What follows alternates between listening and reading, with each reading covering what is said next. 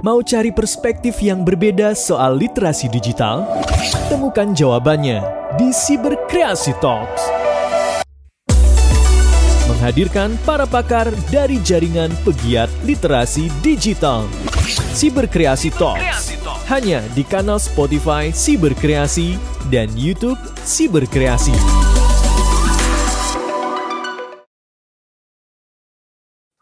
Halo semuanya, kalian sedang menyimak podcast Siberkreasi Talk. Bersama saya Novia Riani Putri, kita akan membahas berbagai hal seputar literasi digital di Indonesia dengan para pakar di bidangnya.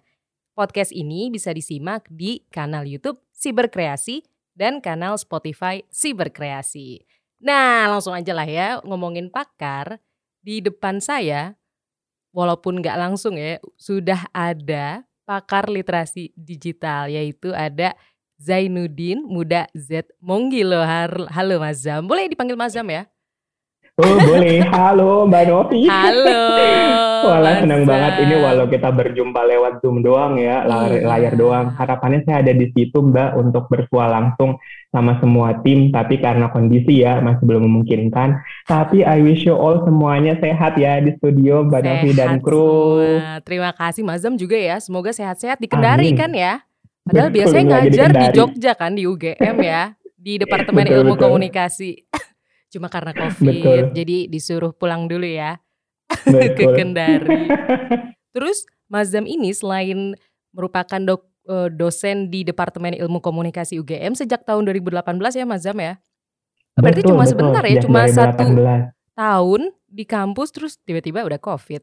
Tiba-tiba covid, iya benar dua tahunan lah ya Mbak uh -oh. No. Terus habis itu tiba-tiba harus kembali lagi gitu ya dengan situasi yang ini apa sebenarnya gitu ya nggak sih yeah. ngerasanya di awal-awal sampai sekarang kan serba nggak pasti Betul. tapi ya kita bersyukur juga ya puji Tuhan alhamdulillah beberapa kasus kayaknya semakin melandai. Kita berharap sih semoga selalu seperti itu ya Mbak Novia. Betul. dan kita juga jangan lengah sebenarnya Mbak walaupun angka menunjukkan uh, landai gitu ya. Tapi bukan berarti kita juga harus lepas masker gitu ya. Berkeliaran ke sana kemari tanpa protokol kesehatan. Nah itu salah juga tuh. Jadi mudah-mudahan uh, kita semuanya tetap prokes apa pun aktivitas kita gitu ya.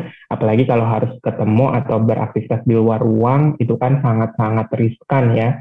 Terus banyak juga kan sekarang Mbak Novi yang merasa, ah saya kok udah divaksin kok, udah dua kali nih gitu ya, udah kebal. Nah itu salah juga tuh gitu ya. Kalau persepsinya sampai gara-gara vaksin berarti udah aman dari COVID.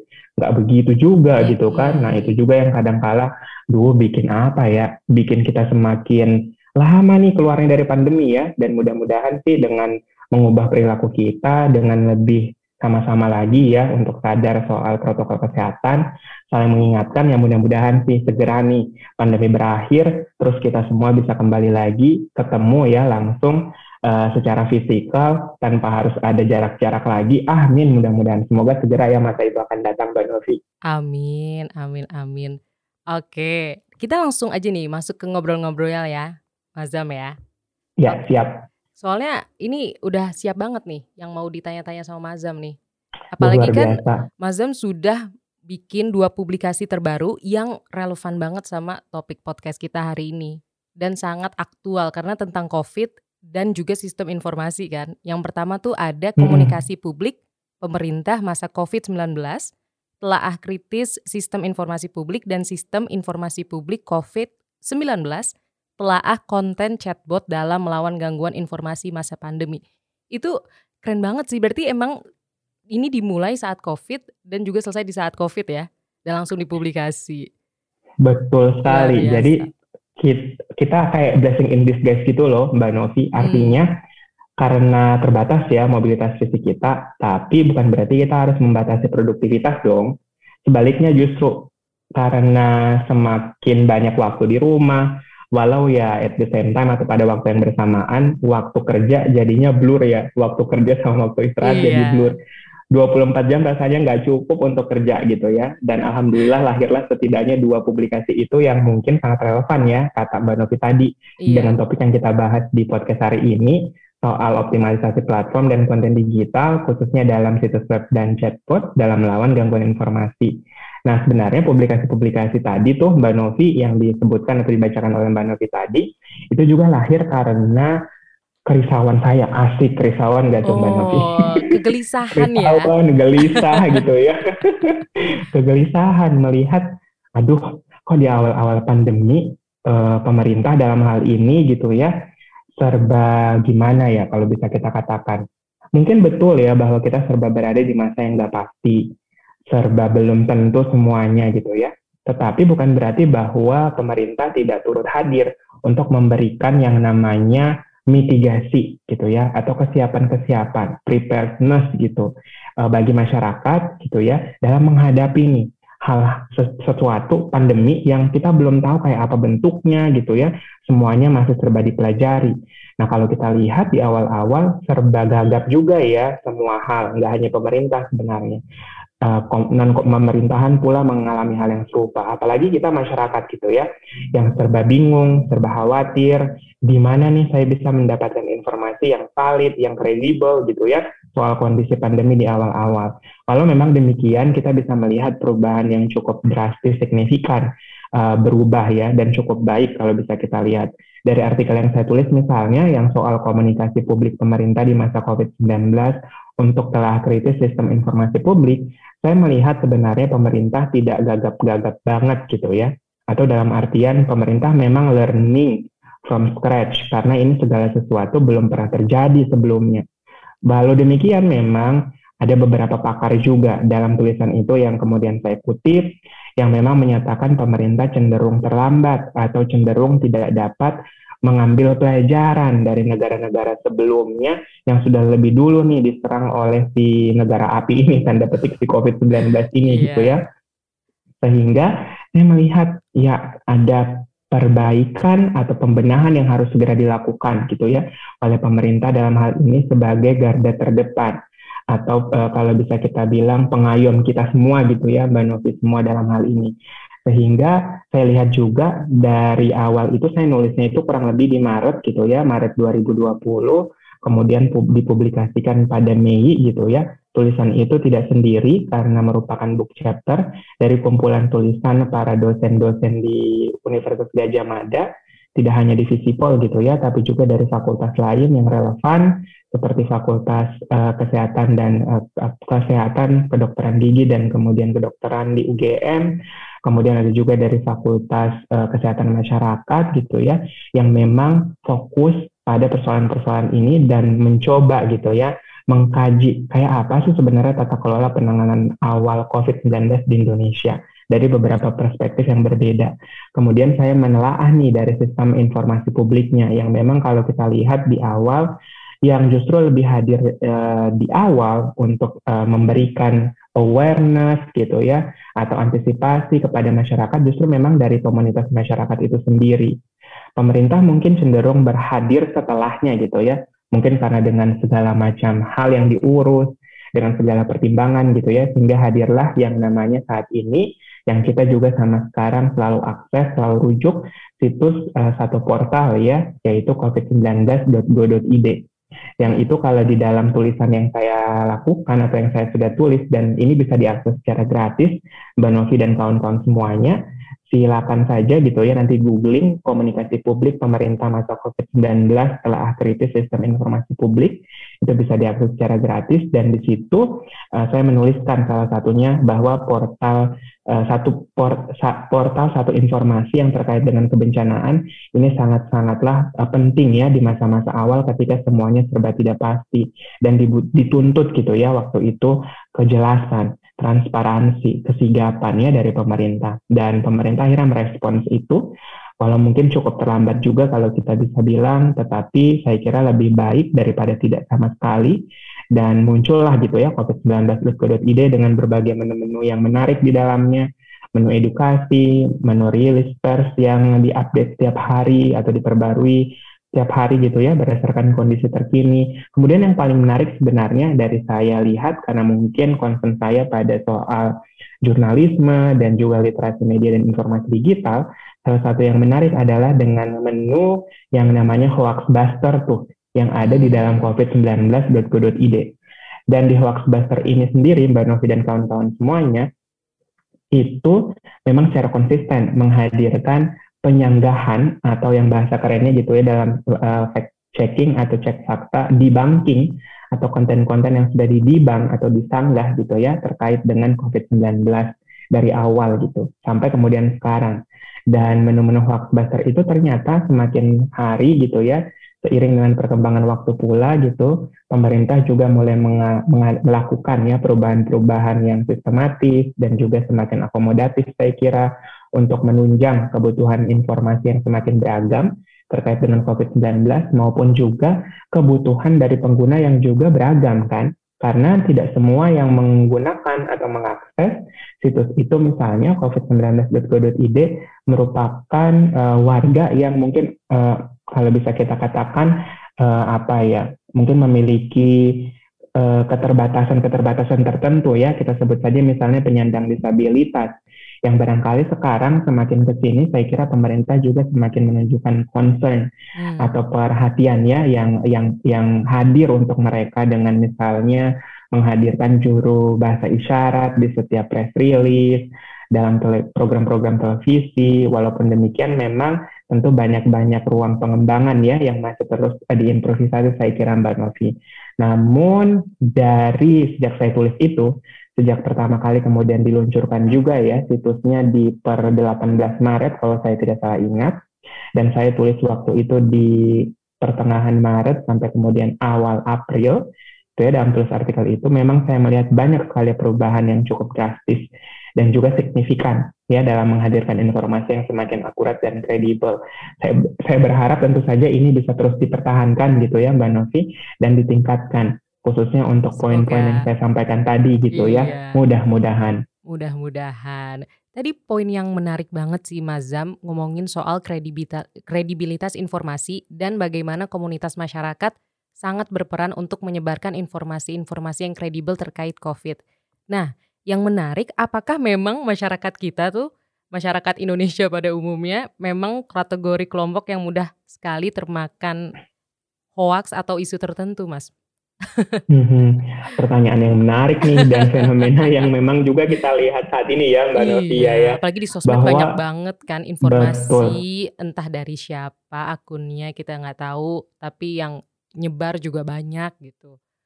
Betul, betul. Itu saya can agree more lah istilahnya yeah. gitu ya. Betul-betul sepakat bahwa memang berdasarkan ya indeks literasi digital nasional yang juga disurvei oleh Kominfo dan Data Data Insight Center di tahun 2020 memang menyatakan nih Mbak Novi bahwa in, uh, literasi digital masyarakat Indonesia pada umumnya itu masih berada pada level yang sedang atau moderat kalau misalnya kita ingat lagu dangdut gitu ya, yang sedang-sedang saja itu kayaknya iya. asik gitu, ya nggak sih Mbak?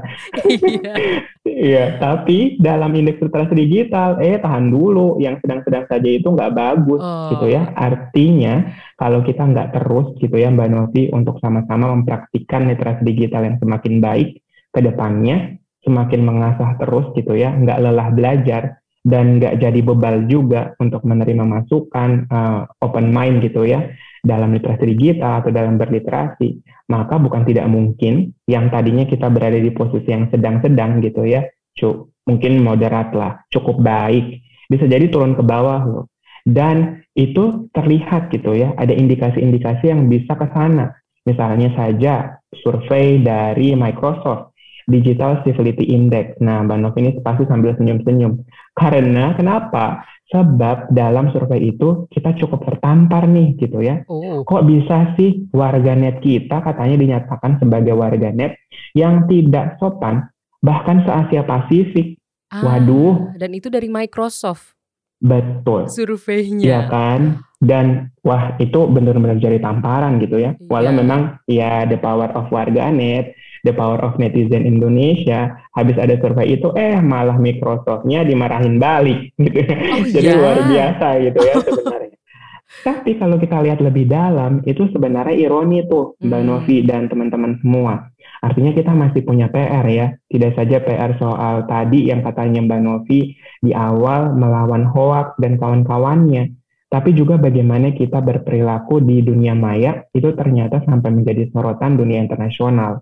Iya. Berarti betul ya yang disampaikan Mbak Novi tadi, kalau kalau surveinya bilang sedang-sedang saja, dan kalau Mbak Novi tadi juga menyatakan kepada kita bahwa mengkhawatirkan, itu betul adanya. Dan lebih mengkhawatirkan lagi kalau ini tidak segera kita uh, siasati atau kita tangani, kita tindak lanjuti dengan berbagai program-program literasi yang mendukung. Dan saya kira pemerintah saat ini, Kominfo, Siberkreasi, dan sejumlah stakeholder yang ada di level nasional maupun di level daerah itu sudah sama-sama kan ya Mbak Novi dan kawan-kawan semua berkolaborasi lewat uh, tajuk program literasi digital nasional dengan nama Indonesia yang makin cakap digital. Ini adalah hal yang patut sekali diapresiasi. Dan zuminar-zuminar yang terkait dengan literasi digital Indonesia makin cakap digital ini sudah dilakukan nih atau sekarang masih berjalan sejak kalau saya tidak salah Mei, April gitu ya, April Mei sampai sekarang itu masih berjalan dan kita semuanya gitu ya bisa mengikutinya secara gratis, terbuka gitu ya untuk publik. Siapa pun boleh sepanjang memiliki akses, sepanjang memiliki akses ini dalam artian internet gitu ya, sepanjang memiliki gawai yang mendukung, yes kita bisa gitu ya belajar bareng tuh di program literasi digital itu dengan topik-topik yang banyak banget termasuk sebenarnya apa yang saat ini kita sedang lakukan ya Mbak Novi iya. dan teman-teman lewat podcast berkreasi ini juga adalah bentuk program literasi digital yang secara nyata nih konsisten dilakukan melalui gerakan nasional literasi digital berkreasi ya yang sudah berdiri sebenarnya sejak 2017 dan selalu banyak sekali program-program menarik yang selalu diupdate dan selalu boleh nih kita ikuti secara gratis. Nah, kita berharap hal-hal tersebut tentu saja masih bisa kita katakan belum sempurna. Pastinya dong Mbak Novi. Karena kalau kita bilang sempurna, maka kita sudah berada pada posisi di mana kita tidak akan untuk melakukan improvisasi perbaikan terus dan terus. Jadi kalau bisa kita katakan walau misalnya belum mencapai sempurna, tapi dengan terus komitmen melakukan monitoring, melakukan evaluasi, dan perbaikan-perbaikan yang dibutuhkan, maka saya kira semakin ke depan semakin banyak lagi nih mudah-mudahan masyarakat dari kita semua, masyarakat Indonesia, warganet, siapa pun Anda gitu ya, karena siapa pun bisa menjadi apa pun kan Mbak yeah. Novi di ruang digital, sehingga siapa pun Anda atau apa pun latar belakang Anda, kita bisa sama-sama nih memiliki kecakapan literasi digital yang semakin oke, okay, semakin baik, dan survei-survei yang tadi yang dikeluarkan oleh Kominfo dan Kata Data Insight Center, yang dikeluarkan oleh juga Microsoft, ataupun survei-survei yang lain, misalnya survei Japelidi nih, di tahun 2019-2020 gitu ya, dirilis kalau saya tidak salah ingat, jaringan pegiat literasi digital juga menyampaikan nih Mbak Novi, bahwa kompetensi literasi digital masyarakat Indonesia khususnya untuk kompetensi yang kritis gitu ya, yang berpikir kritis, uh, menelaah, mencerna, memverifikasi dan lain sebagainya itu ternyata masih rendah. Hmm. Nah, olehnya itu semoga dengan berbagai program-program yang ada tadi dengan tidak berhenti belajar dan berupaya yang sebaik mungkin dari masing-masing kita karena tadi ya saya kira pekerjaan untuk meningkatkan literasi digital itu bukan saja pekerjaan saya saya saja gitu Mbak Novi. Bukan saja pekerjaannya Mbak Novi dan kawan-kawan misalnya di podcast berkreasi. Bukan saja pekerjaannya pemerintah Kominfo saja, tapi kita semua nih kerja bersama gitu kan, kerja kolaboratif supaya tadi Indonesia semakin cakap digital, Indonesia semakin terliterasi lagi dan survei-survei tadi itu secara uh, tidak langsung atau secara langsung udah gugur gitu ya. Kita berharap seperti itu. Karena untuk transformasi digital di Indonesia sendiri sekarang sedang diupayakan dan momentum pandemi ini menjadi momentum yang penting sekali sebagai uh, titik tolak gitu ya atau titik tolak gitu ya Mbak Novi untuk mencapai Indonesia yang tadi yang saya sebutkan. Makin cakap digital, makin terliterasi, makin oke okay netizennya gitu ya dan makin banyak lagi konten-konten positif yang tersebar di dunia maya daripada konten-konten negatif atau konten-konten sensasional gitu ya yang memang saat ini jumlahnya masih lebih banyak nih hoax dan kawan-kawannya masih lebih banyak daripada pembenarannya olehnya itu sama-sama nih harusnya kita bisa semakin tadi ya cerdas semakin kritis lagi dan kalau terima informasi misalnya menerima konten tertentu misalnya yang kita ragukan kebenarannya janganlah langsung kita percaya ya nggak sih Mbak Novi Setuju banget. karena kadang mm -mm, karena kadang kala ya. kan Iya, benar kata Mbak Novi, harus kita teliti dulu dong, mm. harus kita cermati dulu dong. Mm. Kenapa? Karena tadi sesuai dengan masa kita saat ini. Kita ada di masa post-truth atau pasca kebenaran. Ada di masa echo chamber ini semakin menggema. Di masa filter bubble itu semakin ada. Di masa crop brain itu juga ada. Atau matinya kepakaran gitu ya. Sehingga persoalan-persoalan atau fenomena-fenomena tadi itu semakin memperkeruh situasi Apalagi sudah jelas ya di masa pandemi COVID-19 yang berbahaya itu nggak hanya virus COVID-19-nya, tapi sudah jelas virus disinformasi atau misinformasi itu juga sama berbahayanya dengan virus COVID-19-nya itu sendiri. Artinya perlawanan kita harus selalu kalau bisa kita katakan jangan kasih kendor gitu ya Mbak Novi. Iya. jangan kasih kendor harus karena konsisten. semakin banyak nih.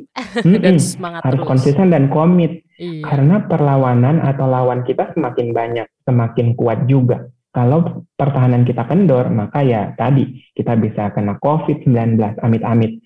Kita bisa tadi terpedaya dengan rayuan atau tipuan hoax gitu ya. Iya. Kita bisa jadi orang yang lebih apa ya kalau bisa kita katakan lebih emosional karena di era post-truth gitu ya hoax ini kan mengubuk-ubuk perasaan kita gitu ya emosi kita memecah belah gitu kan Mbak Novi nah mudah-mudahan sih kita tidak terjerumus ya ke dalam sesatan-sesatan info seperti itu iya Seru banget ngobrol sama Mas Zam di sesi pertama ini sampai ngobrolin post-truth yang emang bahaya banget ya. Yang tadinya kebenaran udah ada terus makin menjadi-jadi bercabang jadi informasi-informasi iya. yang alternatif yang nggak tahu kadang juntrungannya dari mana ya.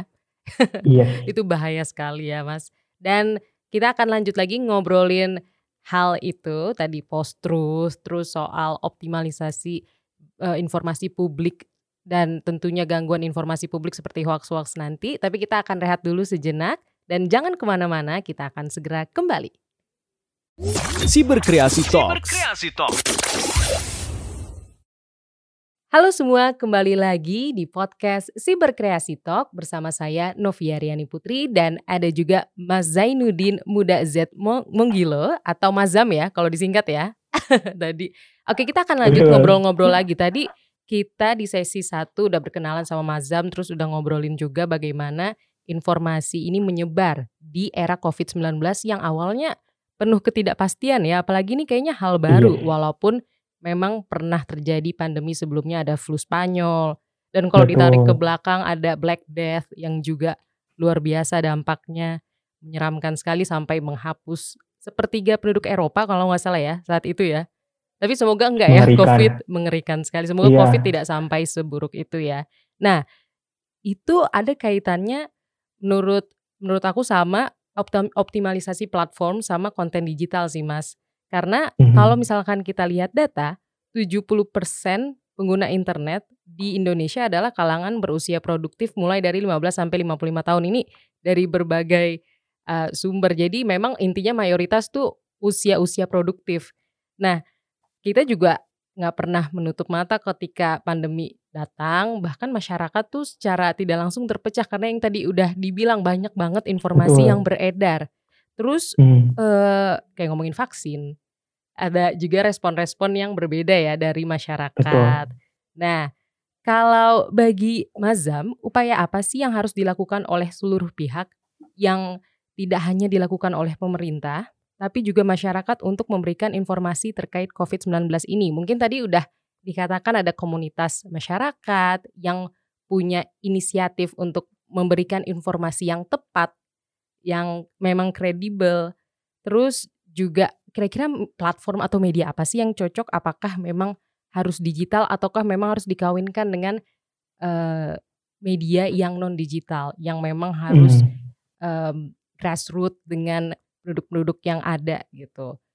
Apakah uh, menurut Mazam, menurut Mazam ini sangat belum optimal? Apakah yang tadi sebenarnya masih banyak ruang-ruang yang masih bisa dikembangkan?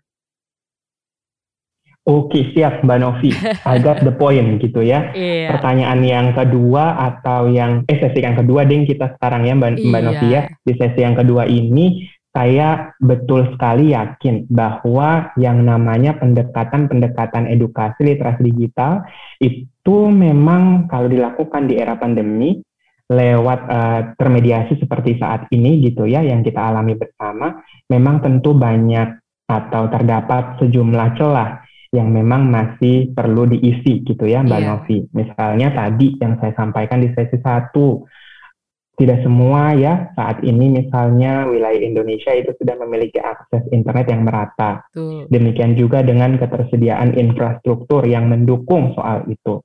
Sehingga memang PR-nya adalah bagaimana bisa untuk mendeliver atau menyampaikan materi-materi literasi digital yang menarik-menarik tadi kepada teman-teman kita yang mungkin berada di wilayah yang kita katakan sebagai 3T tadi gitu ya yang mungkin terbatas secara akses internet dan juga infrastrukturnya. Sehingga memang pendekatan ini perlu dibarengi dengan pendekatan yang langsung atau tidak bisa termediasi seperti saat ini.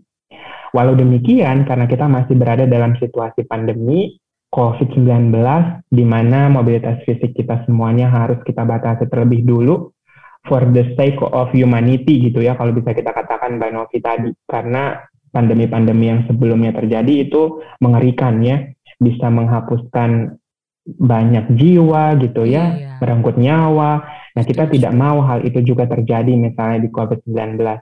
Sekaligus juga barangkali ya Mbak Novi ini kita berefleksi bersama bahwa bagi mereka yang telah pergi mendahului lebih dulu kita gitu ya karena COVID ini kita doakan Semoga bisa mendapatkan kedamaian dan ketenangan Amin. di sana. Iya. Dan bagi juga yang sekarang sedang berjuang ya Mbak Novi untuk iya. uh, melawan virus ini, kita doakan agar perjuangannya selalu dikuatkan gitu ya. Amin. Para nakes dan segala macam yang berada di garda terdepan saat ini itu juga selalu dikuatkan dan kita sebagai masyarakat sebenarnya bisa mengambil peran yang sangat besar untuk membantu ya perjuangan-perjuangan mereka yang berada di garda terdepan tadi melawan COVID tidak saja virus COVID-19-nya itu dengan protokol kesehatan, tapi juga melawan virus informasi yang sesat itu tadi, yang belum tentu benar itu tadi gitu ya. Dengan apa? Dengan protokol-protokol informasi yang juga oke, okay, yang juga valid, kredibel. Nah, protokol-protokol informasi yang valid dan kredibel ini seperti apa sih? Nah, misalnya di dalam tulisan-tulisan saya yang disebutkan oleh Mbak Novi di sesi satu tadi, terdapat uh, satu portal informasi publik ya yang bisa kemudian kita rujuk yeah. dan selalu berkembang. Kemudian dengan berbagai fasilitasnya. Lalu ada pula sebenarnya situs-situs web yang lain yang juga mendukung ya, tidak saja misalnya covid19.go.id, ada situs web juga dari Kementerian Kesehatan misalnya. Dari media sosial kementerian-kementerian terkait juga rutin gitu ya memberikan informasi, memberikan pembaruan info soal kondisi COVID-19 di Indonesia. Termasuk membantah yang namanya hoax atau informasi yang belum pasti kebenarannya itu tadi dalam berbagai kanal-kanal digital yang mereka punya. Begitu juga dengan komunitas, betul yang disampaikan oleh Mbak Novi tadi gitu ya, komunitas-komunitas mulai hadir. Bahkan kalau bisa kita katakan komunitas-komunitas ini punya inisiatif dan energi yang luar biasa. Salah satu contoh atau beberapa contoh yang saya sebutkan, misalnya di kami di jaringan pegiat literasi digital. Di awal-awal misalnya kami menginisiasi atau berkolaborasi gitu ya, menghadirkan konten-konten atau kampanye media sosial untuk protokol kesehatan dengan berbagai bahasa daerah.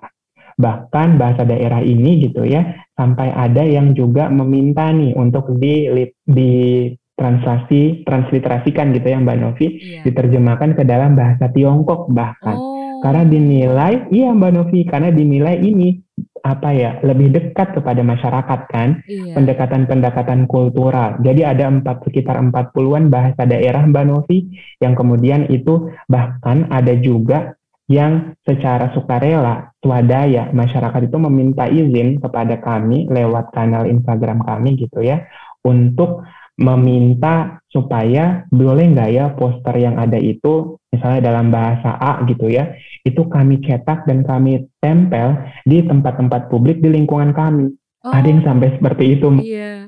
Mbak Novi di awal-awal ah. gitu ya dan itu benar-benar terenyuh gitu kan ya Mbak uh artinya kayak wah little things yang menurut kita barangkali di masa-masa yang biasa saja bukan masa pandemi hal-hal seperti itu kayaknya banyak banget dilakukan gitu ya. Tapi saat di masa pandemi itu jadi hal yang sangat berharga karena ternyata hal tersebut dibutuhkan oleh masyarakat dengan pendekatan yang memang sehari-hari mereka pakai, bahasa yang sehari-hari mereka pakai gitu ya. Itu bukti nyata yang terjadi. Kemudian begitu juga dengan komunitas-komunitas lain yang memang fokus pada cek fakta. Kita sebut saja masyarakat anti fitnah Indonesia yang secara konsisten nih Mbak Novi, bahkan sejak 2014 itu sudah hadir ya dalam grup Facebook yang mereka sebut dengan forum anti fitnah, hasut dan hoak gitu ya. Dan kemudian menjadi cikal bakal Mavindo atau masyarakat anti fitnah Indonesia yang saat ini kita kenal. Konsisten nih dari masyarakat pula, oleh masyarakat pula dan untuk masyarakat gitu ya. Dan ini menjadi kalau bisa kita katakan kekuatan kita sebenarnya Mbak Novi di Indonesia bahkan kalau bisa kita lihat lagi kenapa ini bisa jadi kekuatan kita di Indonesia karena ada semangat gotong royong yang tidak dimiliki toh oleh bangsa yang lain dan kita punya itu gitu dan gotong royong kita ternyata ber, berapa ya mewujud secara nyata dalam tindakan-tindakan yang saya sebutkan tadi. Demikian juga misalnya dalam cek fakta masih gitu ya, ada situs web yang disebut dengan cekfakta.com. Nah, cekfakta.com ini Mbak Novi serta teman-teman semua, ini isinya adalah konten-konten yang sudah didibang gitu ya oleh berbagai uh, fact checker dari media atau jurnalis gitu ya dan kemudian Mavindo berkolaborasi nih sama-sama untuk melawan hoax. Kalau di tempat lain Mbak Novi, fact checking ini dilakukan barangkali secara individual. Bahkan hmm. bisa dikatakan fact checking di negara lain misalnya itu masih berjalan per media atau per institusi.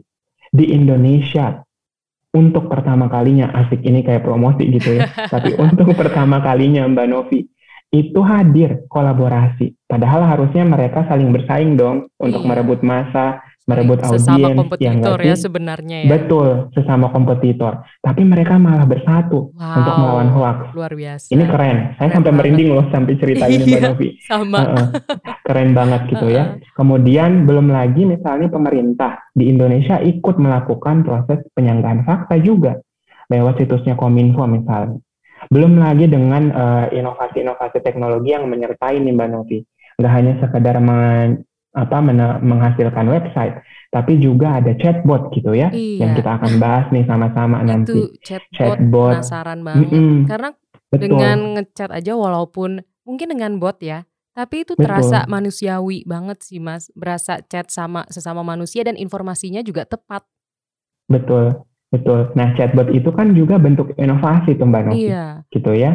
Inovasi yang hadir karena ternyata persebaran mis, disinformasi atau sederhana yang kita sebut hoax tadi itu juga tidak hanya menyebar di media sosial, tapi hmm. juga di aplikasi percakapan yang kita sering pakai sehari-hari. Kita iya. sebut saja misalnya WhatsApp, misalnya Telegram dan kawan-kawan gitu ya, yang juga tidak luput dari namanya persebaran uh, hoax tadi. Sehingga dengan kehadiran chatbot di platform-platform tersebut sebagai contoh WhatsApp gitu ya, misalnya di sini ada chatbot punyanya Mavindo, dengan nomor 085991600500 atau chatbotnya cek fakta liputan6.com di nomor 081197877670 atau sebenarnya di situs covid19.go.id itu sendiri Mbak Novi dan teman-teman sudah punya chatbotnya. Jadi tinggal ah. buka saja situs covid19.go.id nanti akan muncul. Nah, saya sendiri dalam artikel yang kedua, yang tadi disebutkan oleh Mbak Novi ya, dengan judul Sistem Informasi Publik COVID-19 telah konten chatbot dalam melawan gangguan informasi di masa pandemi, itu memetakan ada setidaknya, maaf saya agak lupa, empat atau lima gitu ya, chatbot yang Bapak Ibu, Mas dan Mbak semua, teman-teman semua itu bisa akses secara gratis di aplikasi, aplikasi WhatsApp-nya. Pertama ada chatbot dari WHO, bisa hmm. Mbak Novi, itu bisa kita rujuk ya walau memang masih tersedia dalam sejumlah bahasa ya. Sejauh ini setahu saya belum ada dalam bahasa Indonesia, tetapi saya kira semakin ke depan dengan semakin banyaknya yang mengakses dan keterbutuhan terhadap itu juga semakin meningkat, maka bukan tidak mungkin nanti tersedia dalam versi bahasa Indonesia. Amin, semoga itu. Betul, itu ada satu gitu ya uh, dari WHO dan berisi macam-macam info juga Mbak Novi yang bisa kita rujuk. Kemudian yang kedua ada chatbot dari yang dikelola oleh UNICEF Indonesia. itu juga tersedia. Kemudian chatbot dari covid19.go.id itu sendiri, lalu ada chatbot dari IFC, IF, IFCN Mbak Novi. IFCN ini adalah International Fact Checking Network yang memang membawahi dengan pemeriksaan cek fakta secara nasional gitu ya, termasuk di Indonesia. Mereka punya juga. Nah, kalau Bapak Ibu, Mas dan Mbak, teman-teman semuanya ingin cari tahu lebih lanjut gitu ya soal chatbot itu dan masing-masing fiturnya seperti apa, selain bisa menambahkan nomor yang saya sebutkan tadi gitu ya, untuk langsung uh, apa viewing pleasure gitu ya Mbak Novi langsung dirasakan sendiri dan seterusnya maka bisa juga nanti baca artikel saya tersebut bisa di googling dan tersedia juga Mbak Novi secara gratis Wow. Begitu kurang lebih Mbak Novi. Jadi banyak sekali inovasi yang bisa hadir sebenarnya ya. Iya keren banget ya untuk chatbot ini ya Mas karena kita nggak perlu banyak tenaga untuk balesin hmm. chat satu-satu dan dengan adanya Betul. chatbot itu bisa langsung dapat informasi-informasi yang mungkin kita ketik aja keyword ya atau mungkin ketik ya atau tidak atau misalkan Betul. keluhan apa dan itu akan dibalas dengan informasi yang menyeluruh dan detail ya. Betul, betul. Sesuai dengan uh, apa ya? Karena kan ini artificial intelligence, toh Mbak Novi yeah. dan machine learning juga gitu. Sehingga memang memang masih ada keterbatasan tentu saja. Tidak seperti kalau misalnya Mbak Novi dan saya sedang chat-chatan gitu ya di WhatsApp ada emosi manusia gitu kan yang hadir di situ dengan lebih mungkin lebih colorful percakapannya dan seterusnya. Tapi karena kita bercakap-cakap dengan chatbot atau dengan bot gitu ya, maka memang dia hanya bisa memproses perintah yang sesuai nih dengan yang kita atau yang mereka mintakan. Misalnya sebagai contoh seperti ini. Apakah Anda bersedia menerima informasi yang terkait dengan hoax COVID-19 melalui chatbot kami A untuk iya, B untuk tidak. Jadi kita nggak bisa jawab selain itu gitu kan. Jadi kita langsung pilih aja misalnya A. Oke, nanti dia otomatis ada pesan yang tergenerate sesuai dengan respon yang kita berikan. Kalau kita memberikan respons yang tidak sesuai, biasanya dia akan mengulang, mohon maaf, respons Anda tidak kami catat. Silakan kembali untuk memberikan perintah lainnya atau seterusnya gitu kan. Memang sangat bot. Tapi yang paling penting esensinya adalah kita bisa mendapatkan arsip atau archiving informasi nih yang terkait COVID-19 dan tentu saja yang kredibel dan bisa kita percayai. Itu yang harus kita uh, saya kira maksimalkan atau optimalkan ya Mbak Iya. Novi sesuai dengan judul dari podcast kita. Karena apakah banyak dari kita yang merujuk ke sana? Mungkin belum banyak belum sih Mbak Novi. Belum. Padahal belum itu enak kayaknya banget ya. dengan simpel betul. tadi. Pada ringkas kan? Iya. Iya, betul. Pada ringkas. Terus ya karena kita udah punya pulsa ya ya udah simply kayak bercakap-cakap dengan WhatsApp aja gitu iya, kan. setuju. Betul. Jadi memang mudah-mudahan dengan adanya podcast ini Bapak Ibu, Mas dan Mbak semua, teman-teman semua di mana pun berada yang mendengarkan itu bisa mulai nih sekarang aware gitu ya dan menambahkan nih kontak-kontak yang saya sebutkan tadi. Walau daripada gitu ya nambahin kontak-kontak yang nggak jelas misalnya atau yang makin nambah kesesatan gitu ya dalam iya. memproses informasi COVID-19, mendingan kita tambahin tuh chatbot-chatbot yang penting tadi gitu ya di kontak WhatsApp kita, supaya kalau nanti misalnya di WhatsApp keluarga kita ketemu, ini hoax atau enggak ya, kita hadir jadi yang pertama Mbak Novi. Ya toh? Betul. Kita hadir jadi yang pertama untuk ngasih tahu, Bapak, Ibu, Kakek, Nenek, Om, Tante, Dek, Kakak, ini hoax loh, saya udah ketemu pembenarannya dari chatbotnya Mavindo Hmm. Dari chatbotnya Liputan 6, dari chatbotnya covid19.go.id, dan lain-lain. Ini nih buktinya disampaikan juga. Dan mudah-mudahan tentu walau penerimaan orang tidak dapat kita kontrol ya Mbak Novi, iya. apakah mereka akan mempercayai beda, atau tidak, ya. itu beda toh pasti, betul banget, Setuju. beda banget responsnya. Dan kita nggak bisa kontrol soal itu juga, iya. tapi setidaknya kita sudah mengambil peran yang penting. Apa itu peran yang penting Mbak Novi? Melakukan bantahan atau verifikasi agar orang-orang yang sudah terlanjur menyebarkan informasi yang belum tentu benar itu tadi dan dipercayai itu setidaknya punya counter argumennya, punya perlawanannya. Beda hal kalau kita mendiamkan aja. Nah kalau kita mendiamkan aja, itulah kenapa semakin banyak Mbak Novi hoaxnya dan semakin susah untuk kita lawan. Artinya jangan diam aja. Ya memang sih pasti ada ada pertanyaan-pertanyaan yang muncul nih gitu ya di dalam benak Bapak Ibu Mas dan Bapak pendengar saat ini lah, tapi kan Mas, kalau misalnya saya verifikasi di WhatsApp grup keluarga, nanti gimana dong kalau saya dicoret dari kartu keluarga? hmm. misalnya gitu kan hmm. karena di situ ada bapak ada ibu ada kakek nenek nanti saya nggak sopan dong gitu kan nah betul itu sering banget ditanyakan ke saya mbak Novi gitu ya dalam berbagai kesempatan gimana dong cara kita untuk tadi memberikan verifikasi yang tetap santun yang tetap apa ya tidak terkesan menggurui kalau misalnya itu untuk orang yang lebih tua dan juga tidak terkesan menyalahkan atau menyudutkan. Nah itu caranya macam-macam. Kami pernah nih Mbak Novi melakukan riset di UGM dan mendapatkan pendanaannya dari WhatsApp gitu ya. Dan dalam riset itu kami men mencari tahu bagaimana sih sebenarnya perempuan-perempuan di Indonesia khususnya di lima kota gitu ya dalam melawan persebaran hoax di WhatsApp group. Nah, lima kota ini kami pilih karena memang berdasarkan riset kami sebelumnya, lima kota ini cenderung rentan gitu ya.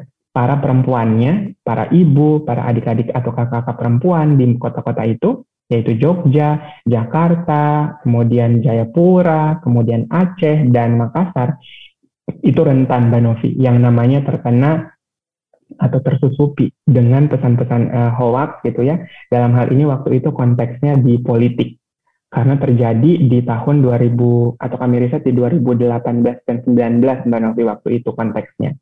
Dan ya, betul ya kami menemukan rata-rata perempuan yang ada di lima kota itu sekitar seribuan responden kami itu menyatakan dalam surveinya bahwa mereka cenderung akan mendiamkan hoax yang mereka dapatkan dari WhatsApp group karena ingin menghindari konflik Nah, ingin menghindari konflik itu kepada siapa sih Mbak Novi dan teman-teman?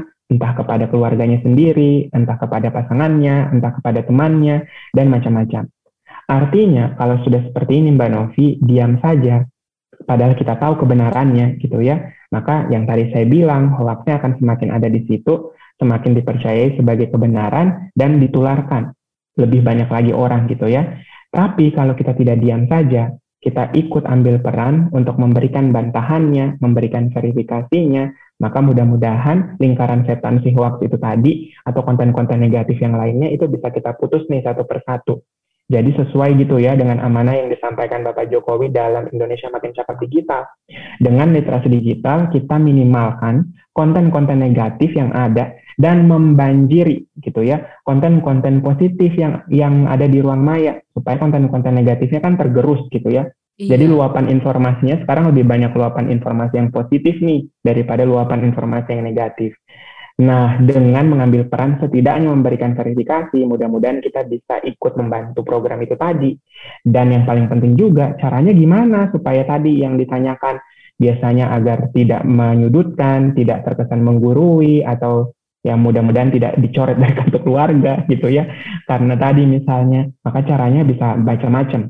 Nah, cara yang kami dapatkan nih atau tips yang kami dapatkan dari sejumlah kesempatan ini juga bervariasi ternyata dan unik-unik caranya.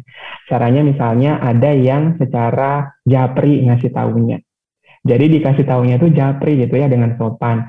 Pak, Bu, kakak, adik, sebelumnya saya dapat informasi ini dari bapak, ibu gitu ya lewat WAG, keluarga ke, WAG alumni sekolah ke, atau WAG apa pun. Tapi kok saya nemu ya dari sumber yang lain. Dan sumber yang saya rujuk ini sumber yang kredibel loh gitu ya. Dan sudah terverifikasi yang menyatakan bahwa hal tersebut hoax tuh. Biasanya akan muncul nih diskusi kalau secara japri kan. Jadi kesannya antara kita ya uh, one one to one communication tuh Mbak Novi. Iya. jadi tidak tidak ada orang yang lain yang melihatnya gitu. Jadi Mat kesannya aja ya.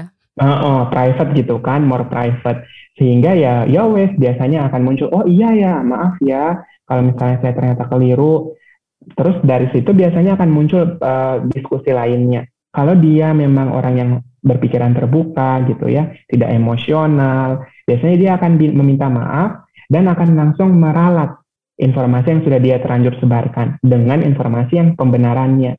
Itu ada yang terjadi seperti itu Mbak Novi dan berhasil. Ada pula cara yang lain yang unik juga, tidak lewat japri. Kalau misalnya orang yang kita mau japri ini bebal, dan mungkin kita nggak terlalu kenal-kenal banget gitu ya. Artinya mungkin ada jarak antara kita dengan uh, dia, maka cara yang lain adalah dengan menjapri ke orang yang menurut kita paling dekat dengan si orang itu. Jadi ada kayak apa ya mutually friends gitu kan, yang mungkin iya. bisa mempengaruhi pendapat dia. Jadi kita bisa sampaikan misalnya ke dia, dan dia akan menyampaikan ke orang itu. Terlepas dari nanti orangnya masih akan bebal, masih akan nggak percaya, itu sudah bukan urusan kita yang pasti kita sudah mengambil peran. Itu cara yang kedua. Atau cara yang ketiga, ada juga yang secara ketat menerapkan aturan-aturan di WhatsApp grupnya dengan peradminan dan seterusnya. Dan ada juga yang berhasil seperti itu. Jadi misalnya salah seorang anggota secara sengaja atau tidak sengaja melanggar peraturan, misalnya hanya boleh menyebarkan informasi yang terkait dengan COVID-19 di hari Senin. Terus tiba-tiba ada yang melanggar nih di hari Senin gitu ya, maka dia akan mendapatkan misalnya sanksi sesuai dengan peraturan yang disepakati. Apakah misalnya di kick dari grupnya, atau kemudian diperingati dulu atau seterusnya. Jadi ada macam-macam cara. Kalau dengan keluarga biasanya caranya lebih ampuh di japri. Bapak, Ibu, Mas, dan Mbaknya gitu ya. Supaya tadi dalam keluarga besar kan ada eyang, ada sepupu, dan kawan-kawan. Jadi mereka nggak merasa bahwa kok saya dihakimi oleh anak saya sendiri gitu ya. Misalnya gitu kan. Jadi kita japri dulu, lalu kemudian kita mulai dengan menyampaikan dengan cara-cara yang juga sopan dan santun. Saya kira tidak ada masalah yang tidak bisa diselesaikan kalau kita tidak saling membuka komunikasi kan Mbak. Iya. Karena komunikasi jadi kunci, mau itu platformnya digital kayak, mau itu platformnya non-digital.